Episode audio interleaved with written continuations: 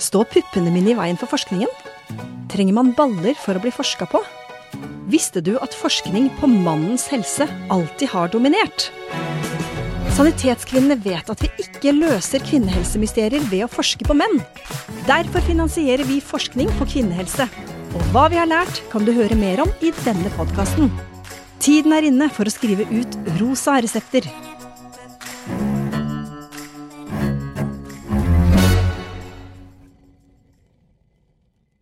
Velkommen til Rosa resept, og i dag så har vi med oss Lena Henriksen. Og aller først, Lena, gratulerer med at du er blitt professor i jordmorfag. Det er vel den femte professoren i Norge, er det ikke det? Jo, det er helt riktig. Tusen takk, Elisabeth. Det, det var eh, veldig stort, syns jeg, det, å bli det, så det er jeg veldig glad for. Ja, det er jo en, eh, på en måte en litt sånn eh, ung vitenskap, eh, i akademia i hvert fall. Men det har jo blitt flere og flere professorer nå i jordmorfag. Ja. ja. Eh, jordmorutdannelsen er jo den eldste utdannelsen som vi har for kvinner i Norge. Eh, men det er helt riktig, i en akademisk setting så er den, er den relativt ung. Men for å være, eller for å bli jordmor, Lena, i Norge, det er vel litt forskjell på Norge og, og Danmark og Sverige, eh, er det ikke det? Jo, eh, i hvert fall mellom Norge og Danmark. Eh, I Norge så er et av kravene for å komme inn på jordmorskolen at du har en bachelor i sykepleie, og så at du har jobbet ett år minimum klinisk som sykepleie. Og så er jordmor et selvstendig fag og en egen autorisasjon, og det er en to år masterutdanning i dag. Det har det vært siden 2015, hvis ikke jeg husker uh, feil. Um, og så i Danmark har de det som kalles direkte entry, så de går på jordmorutdannelsen hele tiden. Og det er vel en litt, litt, litt kortere utdannelse, men de er ikke sykepleiere først. Nei, ikke sant, de er ikke sykepleiere først. Nei, og det må man være, det må man være i Norge. Mm. Men vi skal jo ikke snakke om jordmorfaget for så vidt i dag. Vi skal snakke om et mye mer jeg vil jo si ganske mye mer alvorlig tema, mm. eh, og et eh, tema som er, eh, som er viktig og, og, nødvendig å vite mer om, nemlig vi skal snakke om vold mot kvinner i svangerskapet. Mm. Og dette er jo et felt, Lena, som du har jobbet med lenge, er det ikke det?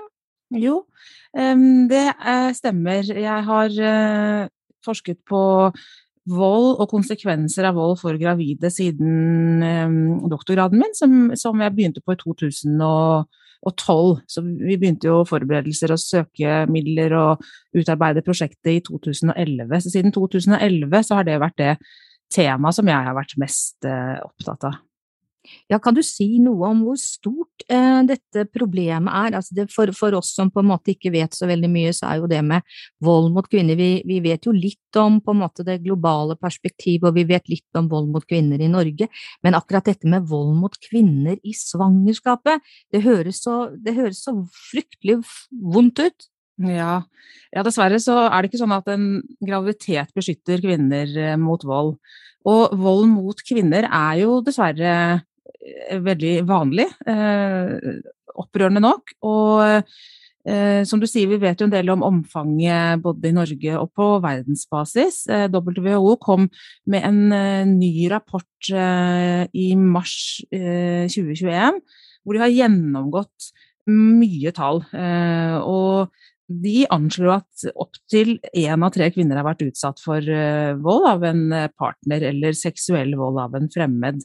Men når det gjelder vold i graviditeten, så er det eh, gjort mindre studier, så de har ikke det store tallgrunnlaget. Men allikevel så er det jo gjort en del studier, og det varierer jo selvfølgelig fra land til land. Så tallene varierer veldig mye. Eh, mens i norske studier så har kvinner blitt spurt i studier som handler om vold, eller f.eks. i mor-barn-studien, hvor de spør om mange ting eh, relatert til svangerskapet. Eh, og da har de type svart på om de har vært utsatt for vold de siste tolv månedene, og da er jo det graviditeten inkludert, og da ligger tallene rundt 3-5 eh, Det er en studie hvor de har eh, spurt om svangerskapet spesielt, og da er det ca. 2% så det er usikkerhet eh, ennå. Men som jeg sa, så er det jo ikke sånn at graviditet beskytter kvinner mot vold, og vi vet jo at vold dessverre er altfor vanlig, så det er jo også gravide som er utsatt for vold når de er gravide. Fysisk, mm. psykisk, eh, seksuell vold. Mm. For de fleste av oss så er dette her med vold mot kvinner som faktisk er gravide, er en veldig sånn uhyrlig tanke at hvordan kan det virkelig være slik at kvinner som går gravide og bærer ditt barn, eh, blir utsatt for vold fra din partner? Ikke sant? Eh, fra, fra det han, kanskje, som skal bli pappaen til barnet mm. ditt. Mm. Ja, nei, det er, og det er jo vanskelig å forstå. Det viktigste vi kan gjøre, er jo bare at det må vi erkjenne, at det skjer. Mm. Eh, og, og, kvinner som er gravide, er utsatt for all type vold, eh, dessverre. Eh, og så er det i forskningen ikke entydig på det om volden oppstår under svangerskapet, om den endrer seg, om den øker, om den minsker.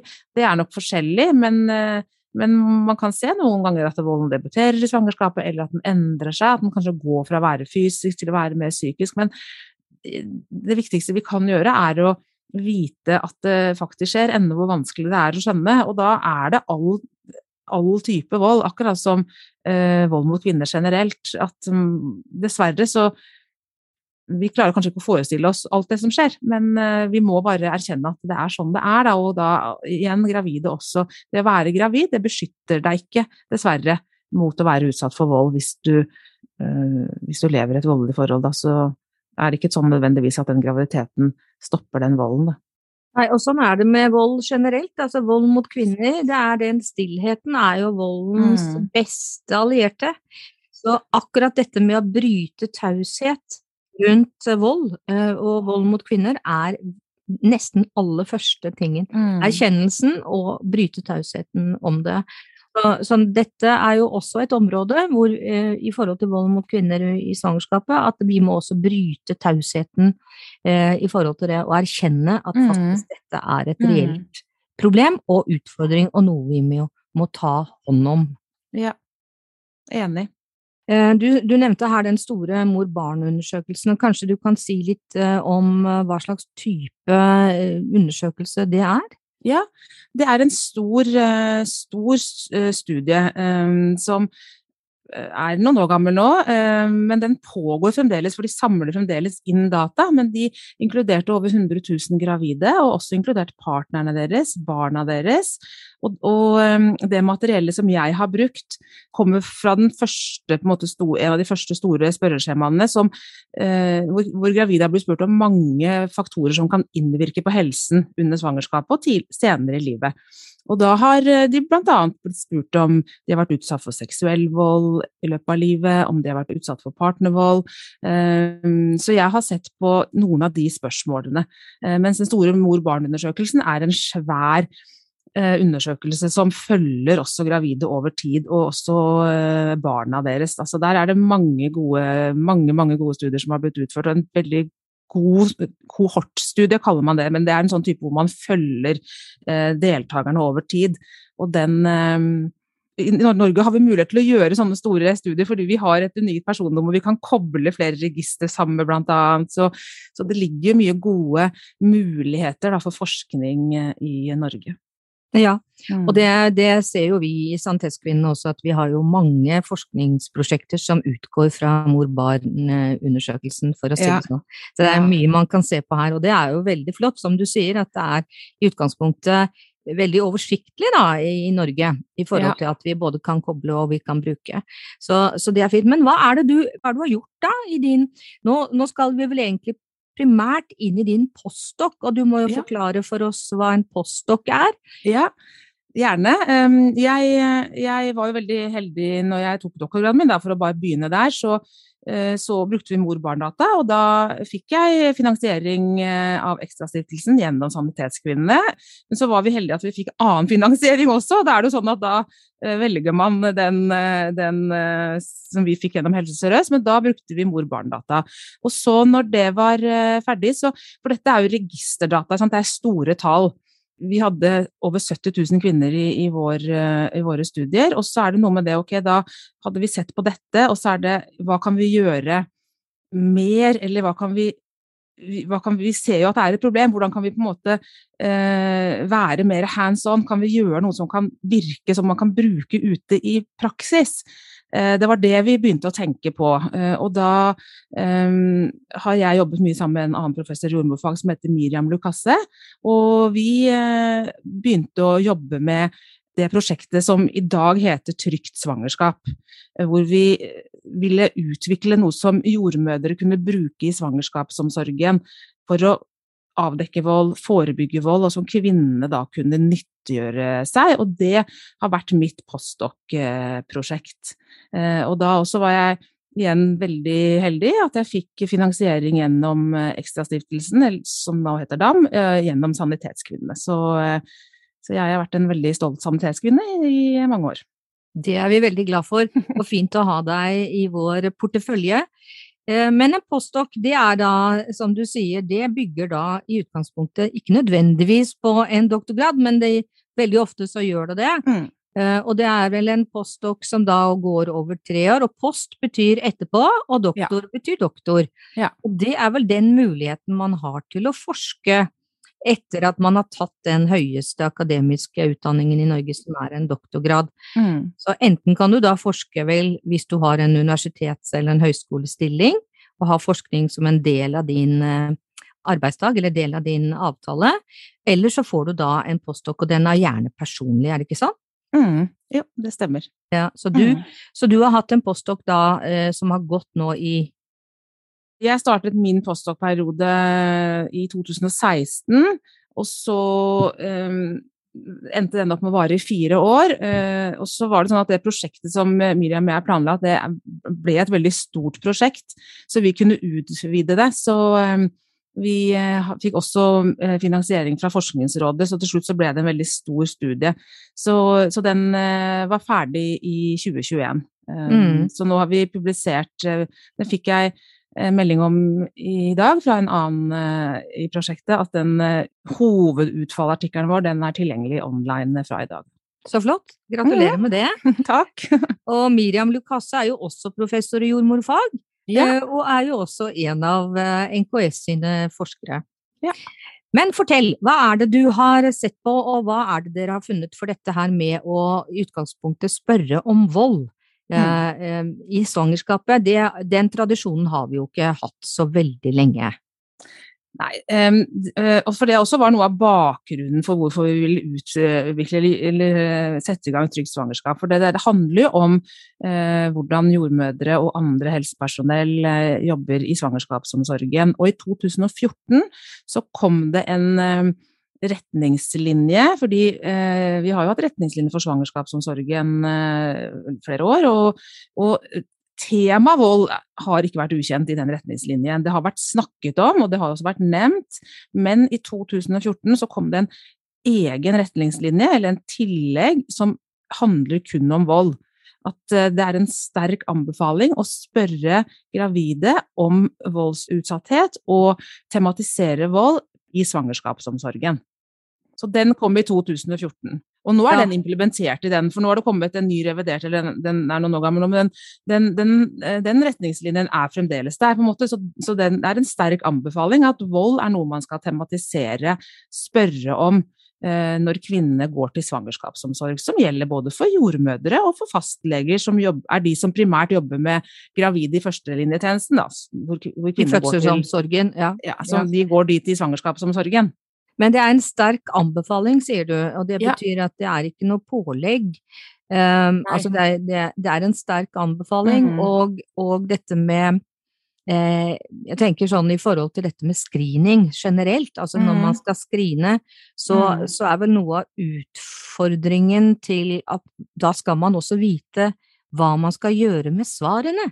Ja, eh, fordi eh, man kaller det jo ikke en screening akkurat dette her. Og så um, har det jo også vært diskutert og forska en del på burde det å spørre om vold, burde det være eh, noe alle leger gjør f.eks., burde det være noe man gjør på akuttmottak, burde det være en universell screening.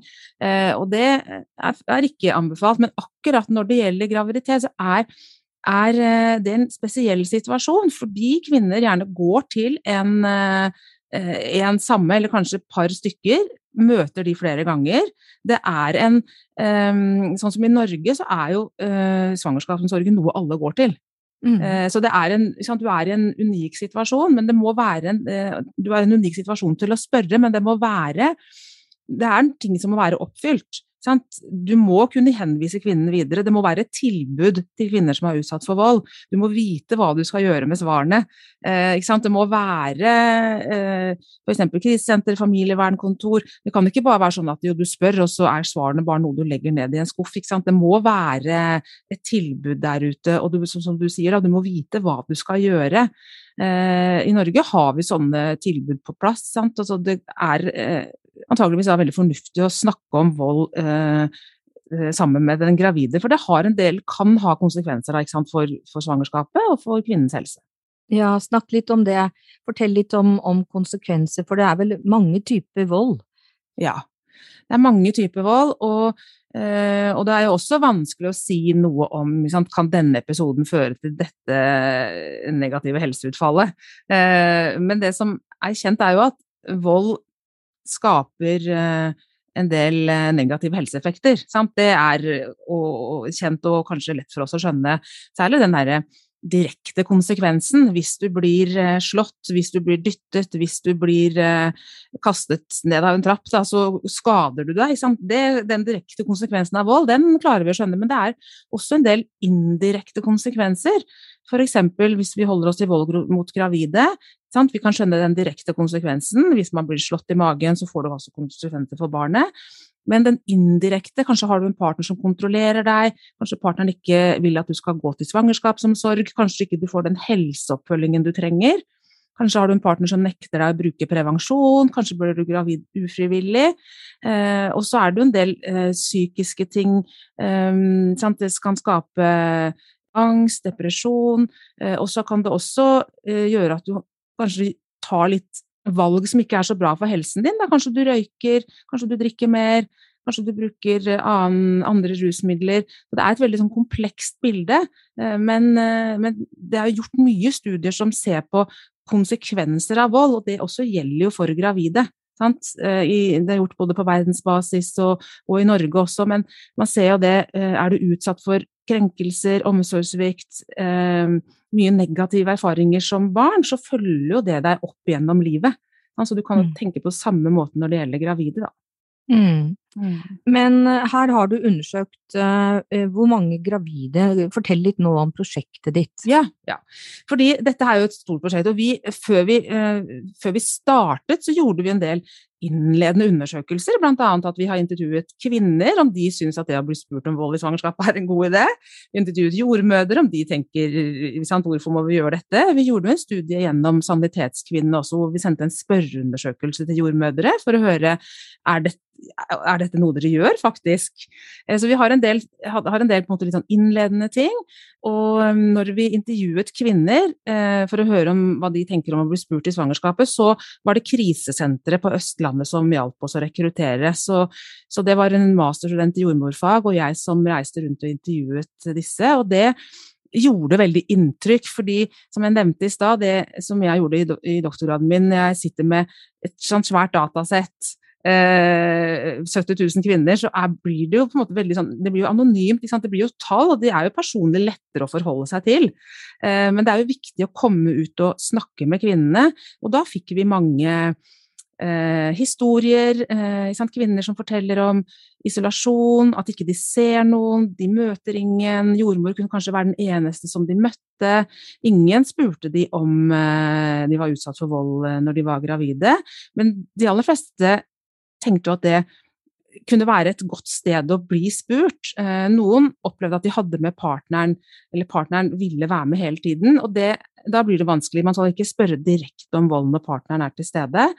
Eh, men det disse kvinnene sa til oss, var det at eh, hvis vi får en oversikt da, over svangerskapsomsorgen, at, at det er én konsultasjon, da, en, en, av disse avtalene som kun er for kvinnen, så sa de at det ville partneren antageligvis ha godtatt hvis det var sånn det var. Da kunne man jo ha spurt hvis kvinnen var alene. Og Det også kvinnene fortalte, var at du, du må vise at du bryr deg. Du må, vise, du må spørre, og du må vise at du er i stand til å ta vare på svaret og hjelpe kvinnen hvis hun har behov for det. Så det var mm. noe av de innledende tingene vi gjorde. Og så um, Jeg bare tenker på, altså, Hvor mange var det her? Var det 70, er det 70 000 du har? Nei, ja, det er, det, er, det, er, min doktorgraden, bare for å snakke litt om uh, forskjellen på det å på en måte kanskje se på tall, da, ikke sant, og så og den avstanden litt til tematikken, hvis du skjønner, i forhold til det å komme ut og sitte ansikt til ansikt med kvinnene. Ja, klart. Eh, som selvfølgelig er, er, veldig viktig, da. Mm. Men det er jo en historie bak alle de 70 000. Ikke sant? Hver og en av de representerer jo sitt liv. Ja, ikke sant. Det er nettopp det det er. Sitt, sin lidelse, sin, sin historie. Ikke sant. Ja. Veldig godt poeng. Ja. Mm. Men, øh, men, i hvert fall da så har vi jo eller så, øh, Jeg tenker litt, sånn, litt engelsk oppi hodet mitt her, men vi utviklet i hvert fall trygt svangerskap. Og da er det et tiltak som øh, innebærer at jordmødre på helsestasjoner. 19 helsestasjoner i Oslo på Østlandet har rekruttert kvinner for oss. Og da har de fått en iPad, og så har de blitt spurt en rekke spørsmål, bl.a. om de har vært uh, utsatt for uh, vold i livet, vold i svangerskapet. Og de som svarer, har svart bekreftende på det, de har blitt tilfeldig delt inn i to grupper. En har fått sett en video som handler om vold, og en den andre gruppen da få sett en video som handler om hvordan du kan ha et trygt svangerskap generelt. Fortell litt da i forhold til, fordi du sier at dere har vært på helsestasjonene. Er det der, er det der kvinner kommer i utgangspunktet i, i svangerskapsomsorgen på konsultasjon til jordmor? Er det i relasjon til helsestasjonene? Ja, vi kaller det for helsestasjoner, for de aller fleste jordmødre jobber jo med svangerskapsomsorg på forskjellige helsestasjoner, så derfor så sier vi helsestasjoner. Så i vår, i vår studie så er det 19 helsestasjoner som har vært med, men da er det ulike kommuner i eh, jordmortjenesten da i de ulike kommunene. Ja, og når, det, når de har hjulpet dere med rekruttering av, av kvinner, da, fortell mm. litt om disse kvinnene, er det hvem som helst? Ja, alle, de, eh, eh, alle gravide, eh, bortsett fra de som er under 18. Også hvis jordmor vurderte at hun Hvis hun hadde veldig store psykiske utfordringer f.eks., eller, eller ikke, kunne, ikke, var kapabel da, til å delta i en undersøkelse, det var litt opp til jordmor. Men, men alle kunne i prinsippet bli rekruttert så lenge de var over 18 år. Så her snakker vi om både norske og vi snakker om minoritetskvinner, eller? Og det er jo et veldig godt spørsmål, Elisabeth, fordi den studien vår den eh, prøvde vi å tilpasse til noen minoritetskvinner. For vi ser det at eh, sånn som den norske mor-barn-undersøkelsen og andre studier hvor de har spurt om vold blant gravide, har henvendt seg veldig til norske kvinner. For det er klart at det krever mer ressurser, og det er jo mer komplisert hvis man skal f.eks. oversette ting til mange språk. Så vi, eh, vi utviklet vårt materiale på engelsk, norsk, urdu og somali. Ja.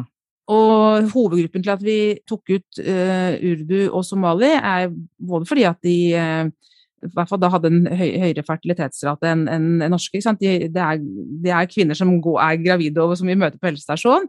Og så kommer også de, Vi så at de hadde, kommer fra kulturer som det har vært mye vold, krig, f.eks. i Somalia. da, eller en sånn type patriarkalsk samfunn hvor, hvor, det muligens er mer vold mot kvinner. Så det var noe av bakgrunnen for at vi rekrutterte akkurat de to gruppene. Vi skulle gjerne hatt flere grupper. Vi skulle gjerne ha oversatt materialet til andre språk, men eh, det handler noe om ressurser og hva vi også fikk penger til. Da, så vi måtte plukke ut noen grupper, så da blei det de. Ja, Men er det, er det, mer vold? Er det mer vold eh, mot kvinner og mer vold mot gravide i disse kulturene, eller? Ehm, ehm, det handler nok mer også om eh, i hvert fall Hvis man ser i norske forhold, så handler det også mer om eh, sosial ulikhet, eh, som kanskje driver det med volden. Men, men når det gjelder sant, krig, konflikter, hvis man lever i samfunn hvor det er mer vold, så er det jo også mer vold mot kvinner. Mm. Eh, og også i samfunn hvor de har eh, sant, eh, en holdning til at eh, ja, kvinner er mer underlegne menn, da, så er det også rimelig å anta at det er mer vold mot kvinner. Ja, og vi vet jo også dette med vold mot kvinner under flukt, for eksempel. Ja. Ja. Mm. Men, men, dette er jo kvinner som bor i Norge? Ja. Det er kvinner som bor i Norge, så, så vi, eh, vi ville jo prøve å nå da noen, noen grupper, eh, fordi det er forsket lite på, og vi ville inkludere mer. Så vi har inkludert i den studien Trygt svangerskap, så har vi inkludert 24% ikke-norske kvinner. Men veldig få pakistanske og kvinner fra Somalia. Fordi så, vi, så vi, har antageligvis rekruttert kvinner som kommer fra alle, alle verdenshjørner. Fordi de har enten svart på det norske eller på det engelske, det engelske. Ja. Mm. Ja, Men vi ser det at det er eh, få kvinner um, for den videoen som vi lagde, da, den ene informasjonsvideoen om vold og den andre kontrollvideoen, den eh, har vi også laget på urdu og på, på somali, men vi kan se at det er få som har sett akkurat de. Ja. De har heller sett den norske eller den engelske. Akkurat. Mm. Ja. Hvor mange ble det til slutt, da? Til slutt så ble 1818 kvinner rekruttert. 1818 svarte på spørreskjemaene, og av de så var det 319, hvis jeg ikke husker feil, som Eller om det var 321, det spiller ikke noen rolle, litt over 300, som eh, sa at de hadde vært utsatt for vold en eller annen gang i løpet av livet. Eh, vi ville jo helst henvende oss til de som var utsatt for pågående vold. Men det var få i vårt materiale som svarte at de var utsatt for vold under svangerskapet. Eh, Men pågående vold, da snakker vi sånn å bli slått over flere, altså flere ganger, eller, eller altså sånn Eller én gang, flere ganger, psykisk ja. vold. Når man snakker, spør kvinner om vold, så er det viktig at, den, eh, at man er veldig sånn spesifikk i hvordan man eh, spør. At man beskriver de forskjellige Hvis du har vært utsatt for fysisk vold, at man er veldig konkret i hvordan man spør. Hvis du spør en kvinne har du blitt utsatt for vold, og hun sier ja, så kan man, kan man jo ikke ane hva det ligger bak det. For den definisjonen er veldig forskjellig fra person til person. Og også når man ser i forskjellige studier også, så er den definisjonen av vold veldig, veldig forskjellig. Så den gullstandarden eh, som i hvert fall per nå er anbefalt, er at man er veldig beskrivende i hvordan man spør. Helt konkret. Har du vært utsatt for dette, dette, dette, dette? For du, ja, fordi du tenker her at den kvinnen som du spør, også selv har en liksom, ikke nødvendigvis en oppfatning av at hun blir utsatt for vold, da. Ikke sant.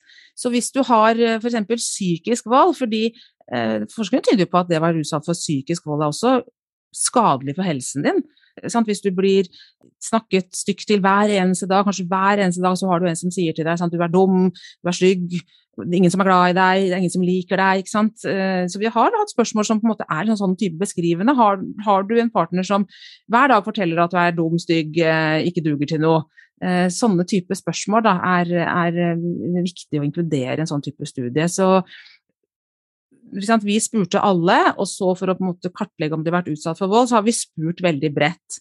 Mm. Og så har vi da prøvd å få litt mer eh, detaljert beskrivelse. Og det var i den prosessen at vi ser at en stor andel av de som svarer ja, at de har vært utsatt for vold, det handler om tidligere i livet, ikke under den pågående graviditeten. Altså du mener da noen som har vært utsatt for vold tidligere i sitt liv, men, ja. men, men ikke da når du har gått gravid? Ja. Alle de dere spurte her nå, de var gravide når dere spurte, mm. ikke sant? Det ble spurt under, under, de, under svangerskapet? Ja, helt riktig. Men, men fortell noen, fortell noen Har du noen historikk, har du noe du kan beskrive, eh, så vi skjønner hva dette handler om? Altså, hva Har du noen Jeg har noen sitater fra, fra noen av studiene våre, annet en som eh, skal, vi se, skal jeg, se, jeg skal bare finne det. Vi hadde mm. jo den første studien som vi gjorde når vi måte utviklet eh, dette Trygt svangerskap-prosjektet, så hadde vi jo når vi intervjuet kvinner som hadde vært utsatt for vold når de var gravide. Dette var kvinner som var ute av det voldelige forholdet nå, for vi møtte de på krisesenter. Eh, ja. Men de var veldig eh, åpne og ærlige med oss og ville fortelle litt hvordan de hadde det, da, eh, og hadde hatt det. Og, og en, skrev, en, sa til oss at vold det var aldri et tema. Dette var i svangerskapsomsorgen, sant? når hun var gravid. Ja, ikke sant? Ja, vold var aldri et tema, det var ikke nevnt med en bokstav engang. Det tror jeg nok eh, var noe jeg savna, fordi man var fanga og kom ikke ut, og da kunne man heller ikke si noe. Eh, og det var en av de kvinnene som beskrev at hun var veldig isolert, eh, at hun ikke hadde noen å snakke med, at partneren kontrollerte henne, at hun ikke kunne gjøre noe sant? Hun hadde ingen, ikke noe nettverk. Eh, og så var det også en som sa til oss kanskje kvinner må, få mer informasjon om hva vold er. Jeg trodde vold bare betydde å slå, virkelig slå. Jeg var hos politiet da jeg fortalte, og politikvinnen sa ja, dette betyr også vold. Og jeg sa er det sant? Er det vold? Og hun var utsatt for psykisk vold. Partneren hennes hadde aldri slått henne, men, men hadde isolert henne, hadde prøvd å kontrollere henne og sant, snakket eh, stygt til henne, da. Utsatt henne for veldig grov psykisk vold. Eh, og hun gikk til politiet og trodde selv at, ikke, at det var ingenting som måte kunne bli gjort, men, men, eh, hun opplevde et veldig fint møte med politiet som hjalp henne til et krisesenter og fortalte henne at at dette her er like mye vold det her som å bli slått. da. Mm. Mm. Så var det også en som hadde fordi det også se, kan man se i forhold til det å være utsatt for vold. Uh, hun hadde mye psykiske problemer og veldig mye vondt, veldig mye diffuse helseplager. og hos, uh, Hun gikk til fastlegen sin og var der på mange ting. Sant? Undersøkte alt mulig, men det var på en måte ikke noe galt de kunne finne. da.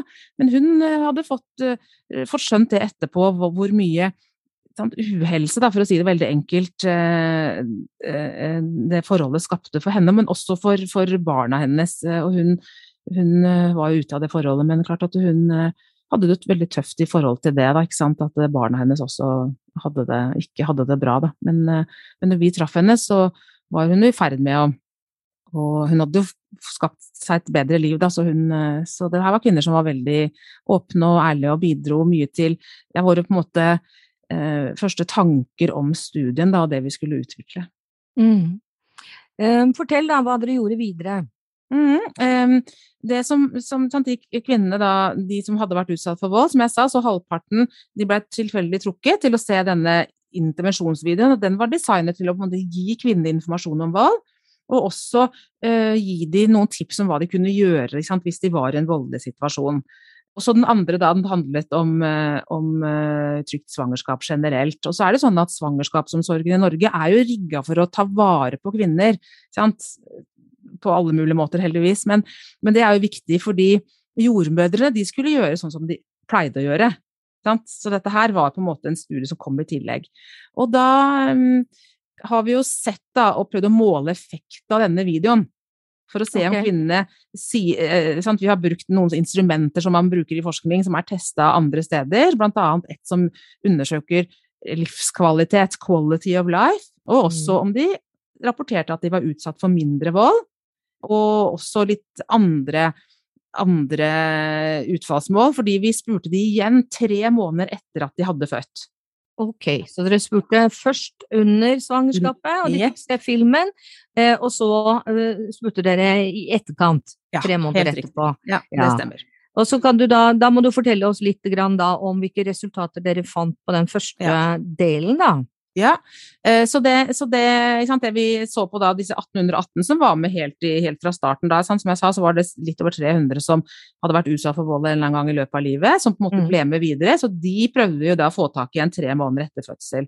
Mm. Det var det helsesykepleiere, jordmødre, som også på helsestasjonen hjalp oss med. Uh, og så ble de spurt om nesten alle spørsmålene en gang til, for å se om det var noen forskjell. Uh, og det som skjedde, var at vi fant ingen effekt av videoen. Uh, vi Oi. kunne ikke se at det var noen forskjell. Nei, ikke sant? Og det, når man forsker, så blir man jo sånn, Vi vil jo gjerne se at ting virker. Men, men, det gjorde vi ikke, dessverre. Kvinnene rapporterte ikke noe bedre livskvalitet eller, eller at de hadde vært utsatt for mindre vold. Men det som vi har diskutert da, og, og, snakket mye om, er sant, Som jeg sa, så var jo vår um, De tiltakene som vi laget, den videoen, som, som vi kaller en sånn intervensjonsvideo, den var designet for å måte, treffe kvinner som er utsatt for pågående vold. Så de tiltakene vi beskrev, det er retta mot kvinner som lever i et voldelig forhold. Mens de eh, traff vi på en måte ikke. Vi rekrutterte veldig få kvinner som var utsatt for vold. Så hvis du har vært utsatt for vold i en tidligere graviditet, sant? men lever i et, et, bra forhold nå, så vil jo ikke de tiltakene være relevante. Og da vil man jo ikke se noen endring, det sier jo seg selv. Mm. Eh, så det var én ting. Eh, og så eh, har vi nok valgt en for kort oppfølgingstid, antageligvis. Sant? At det er tre måneder, det er veldig mye som skjer når man, eh, når man har en nyfødt. Måte. Det er mange andre ting i livet da, ikke sant. Eh, mm. Eh, så det kan, og når man også skal måle på en måte, tiltak mot vold, så kan man jo godt tenke ja, vi gjør et tiltak mot vold, så vil vi gjerne måle effekten. Sant? Vi forventer ja, mindre vold. Men det er ikke så enkelt. Og det å ha mindre vold, eller måle vold som et utfallsmål, er, er ikke så lett. Fordi at det, endringen skjer kanskje over tid. At det tar lengre tid enn tre måneder. At eh, det å være i et voldelig forhold og det å forlate det, er jo ikke noe som Det er jo en lang prosess ofte for kvinner, da, ikke sant. Så, eh, så vi har eh, vi, har jo sendt inn den uh, artikkelen med det hovedutfallet i sommer, og så er den publisert akkurat nå. Og vi fikk veldig gode tilbakemeldinger fra de som Det er en sånn fagfelleprosess, da, ikke sant. Og de ville jo at vi faktisk skulle være litt mer ja, vi, vi, kunne godt snakke opp uh, prosjektet vårt litt mer. for uh, vi, sant, vi, prøvde å være veldig nøytrale, vi så ikke noe. Men de, de har sagt at de syns at prosjektet ser veldig bra ut, og at gjort en veldig sterk ehm, At det er en sterk publikasjon. Da. Så vi var jo veldig fornøyd med det når vi fikk de tilbakemeldingene fra, fra forlaget og fra fagfellene. Eh, men sånn helt sånn vitenskapelig så ser vi ingen effekt. Nei, men det er den vitenskapelige på en måte kvaliteten over eh, artikkelen også, ikke sant, og ja. over undersøkelsen. Ja. Mm. Det er jo på en måte en litt eh, det er jo viktig ut fra forskningsperspektivet. Ja, samtidig, samtidig mm. som eh, vi også må se på den nytteverdien ja. for kvinnen. Mm. Og det, disse tingene behøver jo ikke alltid være i samsvar. Nei, nei. Så, så, det, å være, det å være tro til at den type resultater også er viktig å få frem, da, som mm. du sier her. Det Absolutt viktig å få frem, ja ja. handler jo også om å dokumentere det. Ja, og man skal rapportere resultatene uansett, så det er kjempeviktig. Men det vi også gjorde, var at vi gjorde noen kvalitative studier hvor vi intervjuer kvinner som var med i trygt svangerskap. Ja, og jordmødre som rekrutterte. Ja, eh, og for å ta kvinnene først, så um, nå snakker vi om de kvinnene som da For dere har jo, dere har både spurt jordmødre her, og dere har også spurt uh, kvinner. ikke ja. sant? Sånn at det her er mhm. de gravide kvinnene vi nå ja, snakker om. Ja, det er de gravide som var med i prosjektet. Og de, um, de var jo veldig uh, positive. Uh, fordi det som, det som var sant, De hadde denne iPaden, de satt på et rolig sted på helsestasjonen. Enten på et eget rom, bak et skjermbrett, de hadde på øretelefoner. så det de, det de satte pris på, var å kunne sitte for seg selv sant, svare på noen spørsmål i forhold til mange ting, men også psykisk helse sant, og, og, mange spørsmål relatert til vold, og også se denne videoen. Og det å eh, sitte der på et rolig sted, vite at du på en måte var for deg selv, kunne kanskje reflektere litt over en del vanskelige spørsmål, syns de var bra. Og så den videoen som vi utviklet, den varte ca. syv minutter. Og der beskriver vi ulike typer vold, eh, og også psykisk vold. Og det også syns de var nyttig at du kunne få en beskrivelse At det er mer enn bare å bli slått, da. Og så oppfordrer vi de jo veldig til å snakke med jordmoren sin eller helsepersonell, eller snakke med noen hvis de er i et voldelig forhold. Og det, vi syns den settingen var veldig bra. Men, og de syns også kanskje det kunne være en idé å vise dette flere steder. Eh, som en sånn på en måte generell info, da, en infovideo.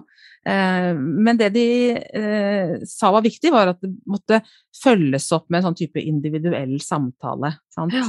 Og så vekket det jo følelser hos, hos noen, fordi det var sant, Det å få helt direkte spørsmål om vold, eh, det å kanskje tenke tilbake på ting i livet, det er jo eh, tøft. Så det er klart at det er jo viktig å, å sant, ja, ha noen å snakke med etterpå, da. Men de var jo til svangerskapskontroll, så de kunne snakke med jordmoren sin hvis de trengte det, da. Um, og så var det noen som også tenkte er For det her var helt anonymt. Dette nettbrettet ja. ja. alt var helt anonymt. Sant? Så det var mm. ikke en sånn Hvis de svarte i nettbrettet 'jeg har vært utsatt for vold', at jordmor fikk vite det. Og det også var det noen som, kanskje, som også etterlyste kanskje det kunne vært på en måte en funksjon. Da, at jeg, jeg, svarer her helt for meg selv, og så får faktisk jordmoren min beskjed om det, så kan hun på en måte hjelpe meg. Men sånn var ikke vår studie designa. Det som, eh, som noen stilte litt spørsmål ved, var er dette her helt anonymt, da, ikke sant? Og det handler kanskje om dette med ja, skepsis til forskning, f.eks., eller sant? Så de, de, ville ha en sånn type forsikring, og det hadde vi flere ganger i dette nettbrettet, da, at dette er anonymt. Og, men også samtidig oppmuntret de, eller oppfordret de veldig til å snakke om jordmoren sin. da. Ja, så hvis du, da, hvis du da rapporterte om vold, for å si det sånn, mm. så, så, var svaret fra dere det var da ta, ta, kontakt med jordmor, ta det opp, for det gikk ikke noe automatikk i forhold til svarene Nei. deres til behandler eller til jordmor eller til, ja til fastlegen. Ja, helt riktig. Og mm. dette her fikk jo kvinnene også informasjon om, fordi, eh, fordi sant, dette her er jo et prosjekt som har gått gjennom etisk komité, og vi har jo eh, sant, samtykke og informasjonsskjema og sånn, så dette her fikk jo også kvinnene informasjon om. Og, og, vi har jo lært opp jordmødrene og hatt mange samlinger i forhold til sant, hvordan man eh, kan eh, jobbe med vold eh, mot gravide, da øke sin egen handlingskompetanse. Så, så dette har, prosjektet har hatt ganske mange faser, da. Eh, men, eh, men, de kvinnene som vi intervjuet, de var eh, positive. Men, men også at, at det, ja, det, det, er et verktøy, på en måte. Det erstatter ikke den personlige kommunikasjonen, den ja. samtalen, men det kan gjøre det lettere. Det hjelper til med refleksjon, og så kan det også gjøre det lettere å og også svare anonymt, da, ikke sant. Men, og ikke nødvendigvis at man kanskje tar det opp med jordmor heller, men det setter kanskje i gang noe, da. ikke sant? At man kanskje neste gang Det var en som sa det at eh, jeg skjønner at det, her er det noen som bryr seg. Eh, så jeg snakket med jordmor om det neste gang, på en måte, da, ikke sant. Eller en, ved en senere anledning. Det kan sette i gang en prosess. Ja. Og det er jo veldig positivt, da, tenker ja. jeg. Ja. Eh, I forhold til at da, da skjer det noe. Ikke sant? Mm, ja. Noe bra. Og jordmødrene også hadde noe av de samme tankene, så jeg syns jo de, eh, at de resultatene speiler hverandre litt. Da, ikke sant? At jordmødre også tenker at dette er en, dette er en god sånn innfallsvinkel. Eh, at du kan gi kvinnene en sånn type kort informasjonsvideo som du vet som du, De hadde ikke sett videoene når de var med, men de har fått sett det etterpå. Men, men at man sant, har en sånn type video som handler om vold, som man kan gi til kvinnen, så er det også en god innfallsvinkel å snakke om det videre. Mm. Nå har du sett på denne videoen, hva slags tanker har du? Eh, ja.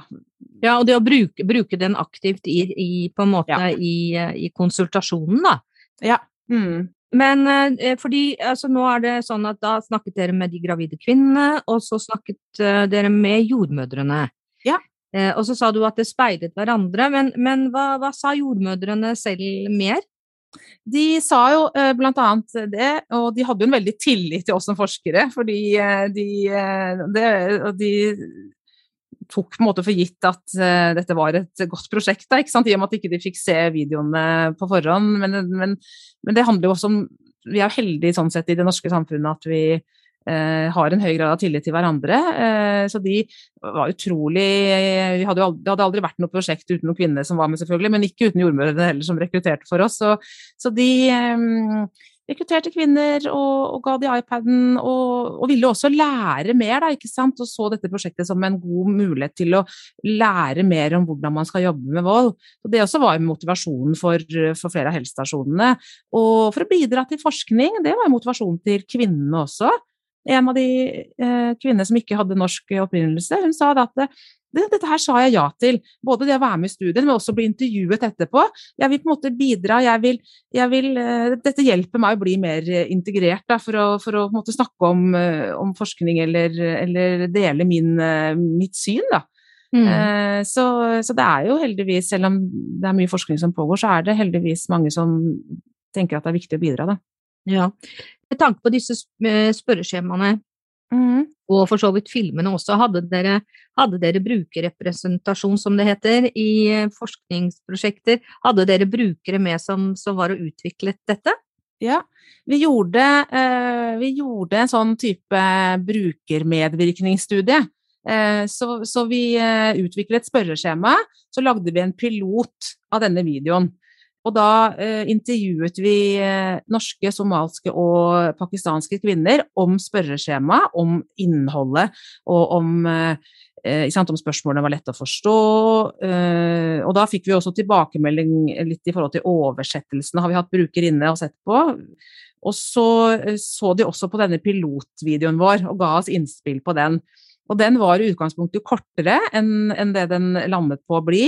Og de eh, fremhevet jo dette med det må komme tydelig, mer tydelig fram hva psykisk vold er. Eh, mer informasjon om vold, mer informasjon om hva slags konsekvenser det kan ha for meg og for barnet.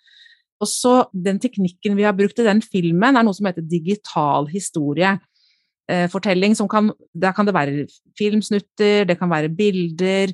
Og vi har, har mest eh, bilder. Eh, og kvinnene syns at det var mindre konfronterende. Det er kanskje lettere å ta inn budskapet når du har bilder istedenfor film.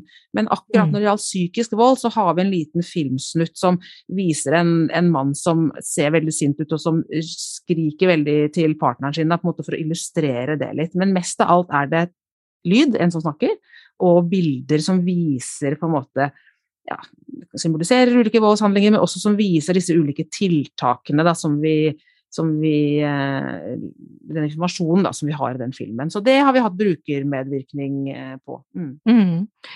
Eh, ja, og da er, det, da er, vi til liksom dette med resultater, da. Fordi du sa jo innledningsvis at den filmen ikke har effekt. Samtidig mm. som, som filmen i seg selv kan brukes som et tiltak ja. i en informasjonssammenheng eller i, i, selve konsultasjonen som jordmor har med den gravide. Mm. Eh, sånn at det er sånn sett så, så, så, kan, så, er det et tiltak på den måten, da. Ja, absolutt. Og, og flere jordmødre som har vært med i prosjektet, har ønsket å uh, bruke den uh, filmen. Og, og, det er klart at hvis du har uh, Ideelt sett da, så skulle det vært utrolig fint å ha dette på flere språk. Men ja. altså, du har en, en somalisk kvinne da, ikke sant, som ikke kan så godt norsk, så har du i hvert fall dette materialet som, som går an å, å brukes. Da. Mm. Ja. Og på engelsk òg, for så vidt. Ja, For dere mm. hadde ikke noe tolk med dere her? Ikke dette prosjektet, men det er klart at vi har fått alt oversatt fra, i, fra et profesjonelt uh, tolkefirma. Så vi, all materiale ble oversatt uh, fra dette firmaet. Og så uh, har vi hatt ressurser fra ulike miljøer da, som har gått gjennom oversettelsen for å se at dette her er riktig, dette her er forståelig. Og da vi, har vi hatt pakistanske og, og somaliske kvinner som har tatt den delen. da. Mm. Eh, men ikke i selve prosjektet har vi hatt tolk, nei. nei. Men det er jo veldig viktig, for det er klart når du skal snakke med en kvinne, eh, og særlig hvis du skal Alle temaer, for så vidt. Så, så må man jo ha tolk hvis ikke kvinnene kan norsk. Mm. Mm. Men, men, filmen eh, og ja, Snakk litt mer om, om, hva dere skal bruke resultatene til.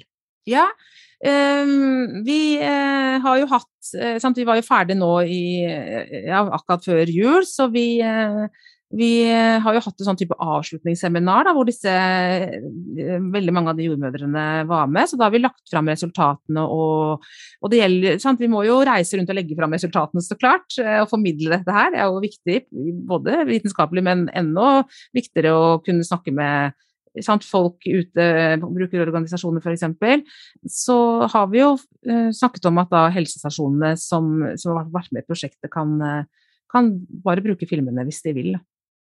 Mm. Så tilgjengeligheten for alle, egentlig?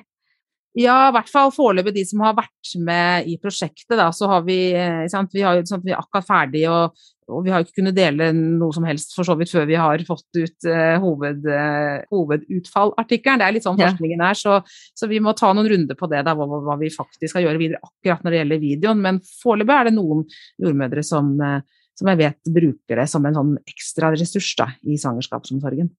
Og når du sier bruker, for du nevnte brukergrupper, brukerorganisasjoner, hvem er det vi snakker om da? Er det interesseorganisasjoner for f.eks. somaliske kvinner, eller er det ja, det, ehm, eh, det, hadde jo vært et aktuelt, eh, et aktuelt fora. Eh, vi har jo samarbeidet mer med enkeltpersoner i vårt prosjekt, men det er klart at det er veldig godt, en veldig god idé. Det går jo an å invitere, invitere seg selv òg, eller fall prøve.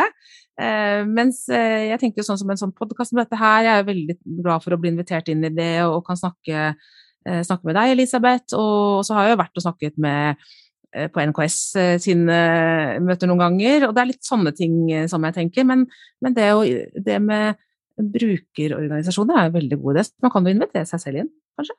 Absolutt, og så tenker jeg også at dette her er jo også et uh, prosjekt og et, uh, et, verktøy som vi kan bruke i integreringsarbeidet i NKS. Mm.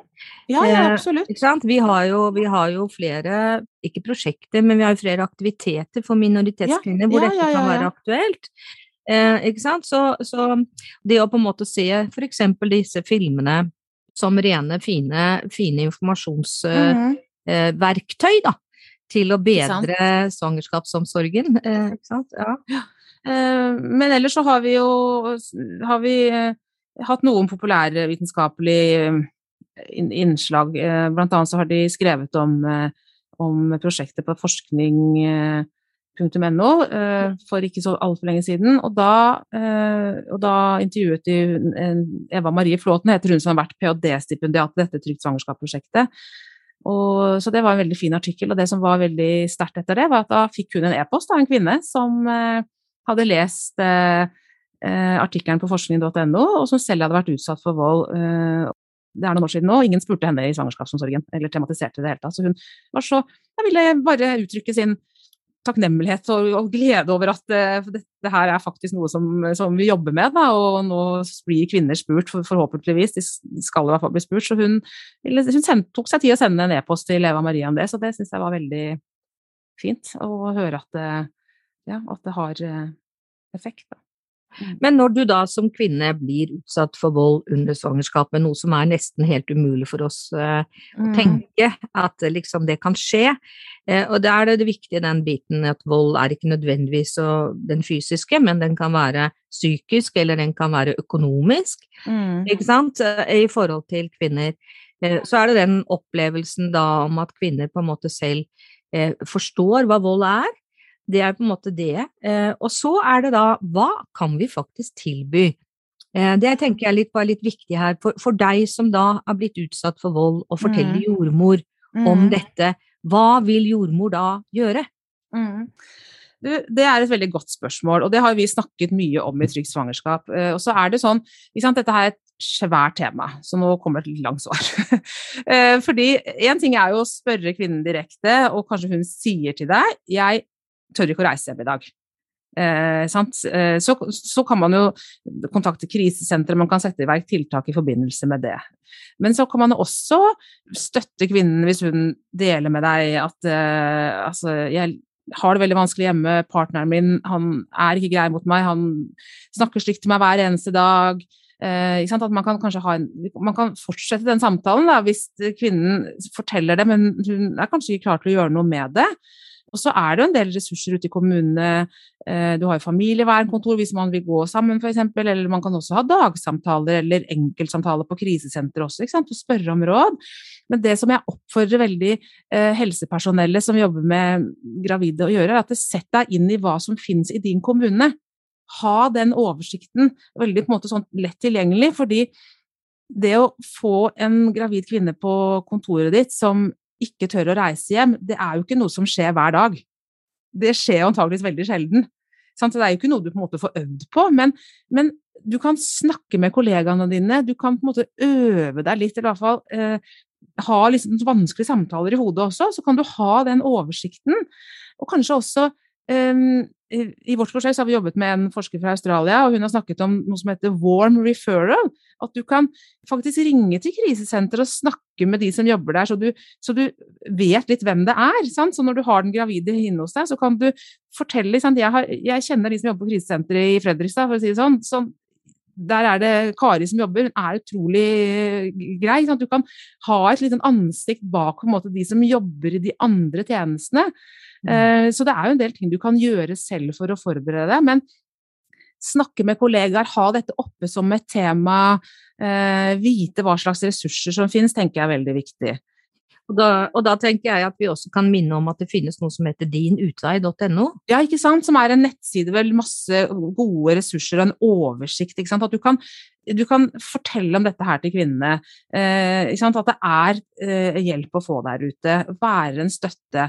Og være ikke sant? At du er veldig empatisk, at du lytter, at hun på en måte forteller sin historie. Sant? Det er jo hennes liv, da, på en måte. ikke sant? Mm. Hennes valg. Nå har jo mm. vi som helsepersonell, hvis du tenker at det er barn som er utsatt for vold, f.eks., eller vi har jo en del type uh, plikter som, hvor taushetsplikten vår på en måte blir tilsidesatt, men, men uh, jeg tenker jo at det også antageligvis skjer sjelden, heldigvis, men, men, der har vi klare plikter i forhold til å melde til barnevernet, avvergeplikt eh, og sånne ting. Men det med å være en samtalepartner for kvinnen, da, i de tilfellene hun trenger det, og, være tydelig på hva du, du vet fins, og, og, hva du kanskje ikke vet fins, eller eh, ja. Men jeg tenker det å være veldig empatisk og veldig lyttende tenker jeg er viktig. Ja, og da tenker jeg også som Din utvei, bare for å fortelle våre lyttere om det, for dinutvei.no er i utgangspunktet en nettportal som handler om vold i nære relasjoner. Mm. Og den er myntet på tre. Den er myntet både på deg som er utsatt for vold, den er myntet på helsepersonell og andre som trenger ressurser og informasjon og kunnskap om vold, og så er den også da myntet på deg som er overgriper. Mm. Og også i forhold til hvor du kan få hjelp. Og Sanitetskvinnene har jo vært med på å utvikle denne nettportalen, som i dag er da operativ på, på nett, for å si det sånn. Dinutvei.no. Mm. Så er, og jeg tror vi kan fremsnakke den ganske ofte, Absolutt. fordi det er et, også et verktøy til å vite f.eks. hvem man skal kontakte der man bor, eh, hvis man blir utsatt for vold. Eh, og som også er et fint eh, tiltak for kvinner mm. som blir utsatt for vold i svangerskapet. Og den er jo oversatt til mange språk, eller veldig mange av de ressursene i de sidene er oversatt på mange språk. Eh, så det er et språk som er til, eller er en side som er tilgjengelig for, for mange. Og den har jo også en sånn type funksjon at hvis du er på nettet der og, og trenger å Ja, ikke du vil at noen skal se hva du, hva du, søker på, så kan du på en måte fort gå ut fra den siden, da, så kommer du til en helt annen sånn tilfeldig søkeside. Har, ja. For, er, for, noen er dette på en måte sant, veldig, kan få veldig alvorlige konsekvenser. Da, Så du, de har lagt inn det der, da. Ja, det husker jeg, fordi jeg var jo med å lage den mm. eh, i sin tid. Og noe av, vi, noe av, det vi, var opptatt av, var dette her med at du må få kunne forlate eh, siden du sitter og ser på, mm. eh, og at ikke du har noen spor på hvor Sant. du har vært. Sånn at det er et lite kryss oppi hjørnet, og så det, hvis du mm. trykker på den, så kommer du, så kommer du på Jeg tror vi, på, på, min tid når vi så på dette her, var det yr.no, eller så nå tror jeg det er VG-nett eller, eller et eller annet sånt som er på en måte Og så ligger det ikke noe historikk. Ikke sant? Det, det, ligger ikke historikk, sånn at din, din, voldelige partner kan ikke se hvor du har vært, og hva du har sett på. Mm. Kjempeviktig. Ja. Men, eh, men, som sagt, få en oversikt over ting. Bruk din utvei, ikke sant? eller snakk med sant? For kvinnen, da, så sant? fastlege, andre på helsestasjonen, politi kan man snakke med, alternativ til vold, familievernkontor, krisesenter. Um, så, så, få den oversikten, barnevernet, at du kan spørre faktisk om råd. da, Snakke med kollegaene dine. Mm. Fordi det er, jo, eh, det er, jo, mange ting vi skal jobbe med som jordmødre eller som helsepersonell når vi jobber med gravide. Det er mange ting vi skal finne ut av og på en måte spørre om og jobbe med. Men klart at det, det er jo det med vold, antageligvis så er det ganske sant? Du må på en måte erkjenne at dette er, er noe som fins. Vi er utrolig opptatt av eh, svangerskapsforgiftning, og det skal vi fortsatt være, for det er kjempeviktig. Eh, men det er klart at la oss si det er 3-4 eh, som får svangerskapsforgiftning, og så kan godt hende det er 3% som også er utsatt for vold. Sant? Så det er på en måte også det er noe som skjer, så det må vi på en måte mm. bare erkjenne. da, At dette er noe vi også bør jobbe med. Det får konsekvenser for helsa vår, graviditeten, for på en måte vår, vår eh, evne til å være foreldre. ikke sant? Hvis dette her får konsekvenser. Eh, så, det er viktig eh, at, dette er noe vi jobber med. Sant? Eh, og én ting er jo å spørre direkte kvinnen hun er alene, men man kan jo også snakke om vold. Man kan tematisere det med, med, vold. Man kan snakke med kvinnene. Det kan man jo gjøre med partner til stede også, som spør ja, hva, hva slags foreldre vil du være, hva slags forbilder er det du har? Eh, og mange av de jordmødrene som jeg kjenner og som jobber på helsestasjon, forteller jo det at da får de eh, historier opp. Kanskje partneren sier faren min han var ikke grei, jeg vil ikke være en sånn far. At man kan få en anledning til å på en måte snakke om eh, vanskelige ting, da, ikke sant? Med paret f.eks., eller med kvinnen. Fordi det er mange innfallsvinkler her, da. sant? Og det tenker jeg er, eh, er viktig å, å, vite. At uh, man ikke skal være redd for å tematisere uh, vanskelige ting, eller ting som vi vet får konsekvenser da, for uh, helsa til folk. Mm. Jeg har opplevd litt at jordmødrene kan være litt redde for hvordan spør vi, hvordan skal vi ta opp dette her. Og akkurat hvordan man gjør det, her er det jo ikke noe ensidig svar, fordi kvinnene har jo helt forskjellige ønsker. Så noen har sagt at du kan gjerne sant, ha en litt sånn universal tilnærming, at du sier dette spør vi alle om, eh, at man kan vise til forskning, eh, du kan finne din egen stil, men det som var, er felles for de kvinnene jeg har snakka om som har vært utsatt for vold, er at du må, du må, vise at du bryr deg. sant? Du må spørre, da må du snakke med henne og se på henne. Det kan være lett å spørre om ting, og så ser du ned i papirene. 'Å ja, nei, du er vel ikke utsatt for vold?' Nei, nei, ikke sant. Så går vi videre. Det er på en måte ikke en sånn Da kan du tenke selv som jordmor, ja, men da har jeg spurt. Men det er jo ikke noe kvinnene opplever som et uh, reelt ekte spørsmål. At de er opptatt av at du har en sånn type At du spør og viser at du bryr deg, da. Mm. Og det var det mange av kvinnene som sa. Og det, vi også snakket med kvinner som hadde jobbet som tolker, som hadde sett den der, da, ikke sant. At eh, helsepersonellet, ja, de eh, spør, og så ser de kanskje ikke direkte på kvinnen, de ser det papirene, og så eh, har de en sånn type fornøydhet selv, at jeg har jo faktisk spurt. Men, men, har du det egentlig? Mm. Eh, jeg husker når jeg begynte som jordmor også, så var det, vi hadde litt det samme som til tobakk og sånt, til alkohol. Ja, du røyker vel ikke? Ja, du drikker vel ikke? Og så mm. hadde du spurt. Men det, det, er ikke sånn det, det er ikke sånn vi, eh, vi, skal jobbe, for så vidt. Det er jo øh, øh, mange utfordringer i forhold til det med å ja, jobbe med dette temaet, og det er jo øh, En ting er jo kvinnens behov, da, ikke sant, eller, eller, hvordan hun vil holde det skjult. Som du sier, at man tenker at ja, men nå, nå må det bli bedre, for nå er jeg jo gravid, ikke sant. Og og så er det jo sånn at man eh, Det er jo kjærlighet med i bildet, sant. Og så er det noe med det med skam og skyld og ja, mange ting. Isolasjon og Så det er jo mange, mange utfordringer i denne kartleggingen, eller dette, dette et felt, da.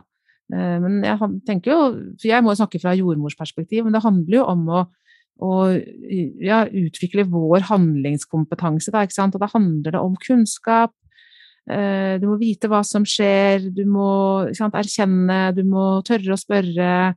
Eh, det her er et tema som angår oss alle. Kjempeflott, Lena. Er det noe vi ikke har eh, snakket om? Er det noe du føler at du må fortelle mer om?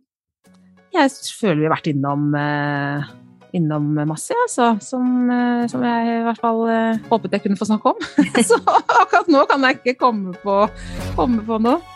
Kjempeflott. Ja. Ok. Supert. Men da sier, sier, vi takk til eh, professor Lena Henriksen for eh, det du har fortalt oss i dag i Rosa resept. Tusen takk for at jeg fikk eh, være med. I 125 år har Sanitetskvinnene jobbet for å bedre kvinners helse og livsvilkår, og står for en av Norges største satsinger på kvinnehelseforskning. Du finner Rosa resept der hvor du lytter på podkast og i sosiale medier. Lenkene finner du i episodebeskrivelsen. Følg oss videre på veien mot likestilte helsetjenester. Nye rosa resepter skrives ut fortløpende.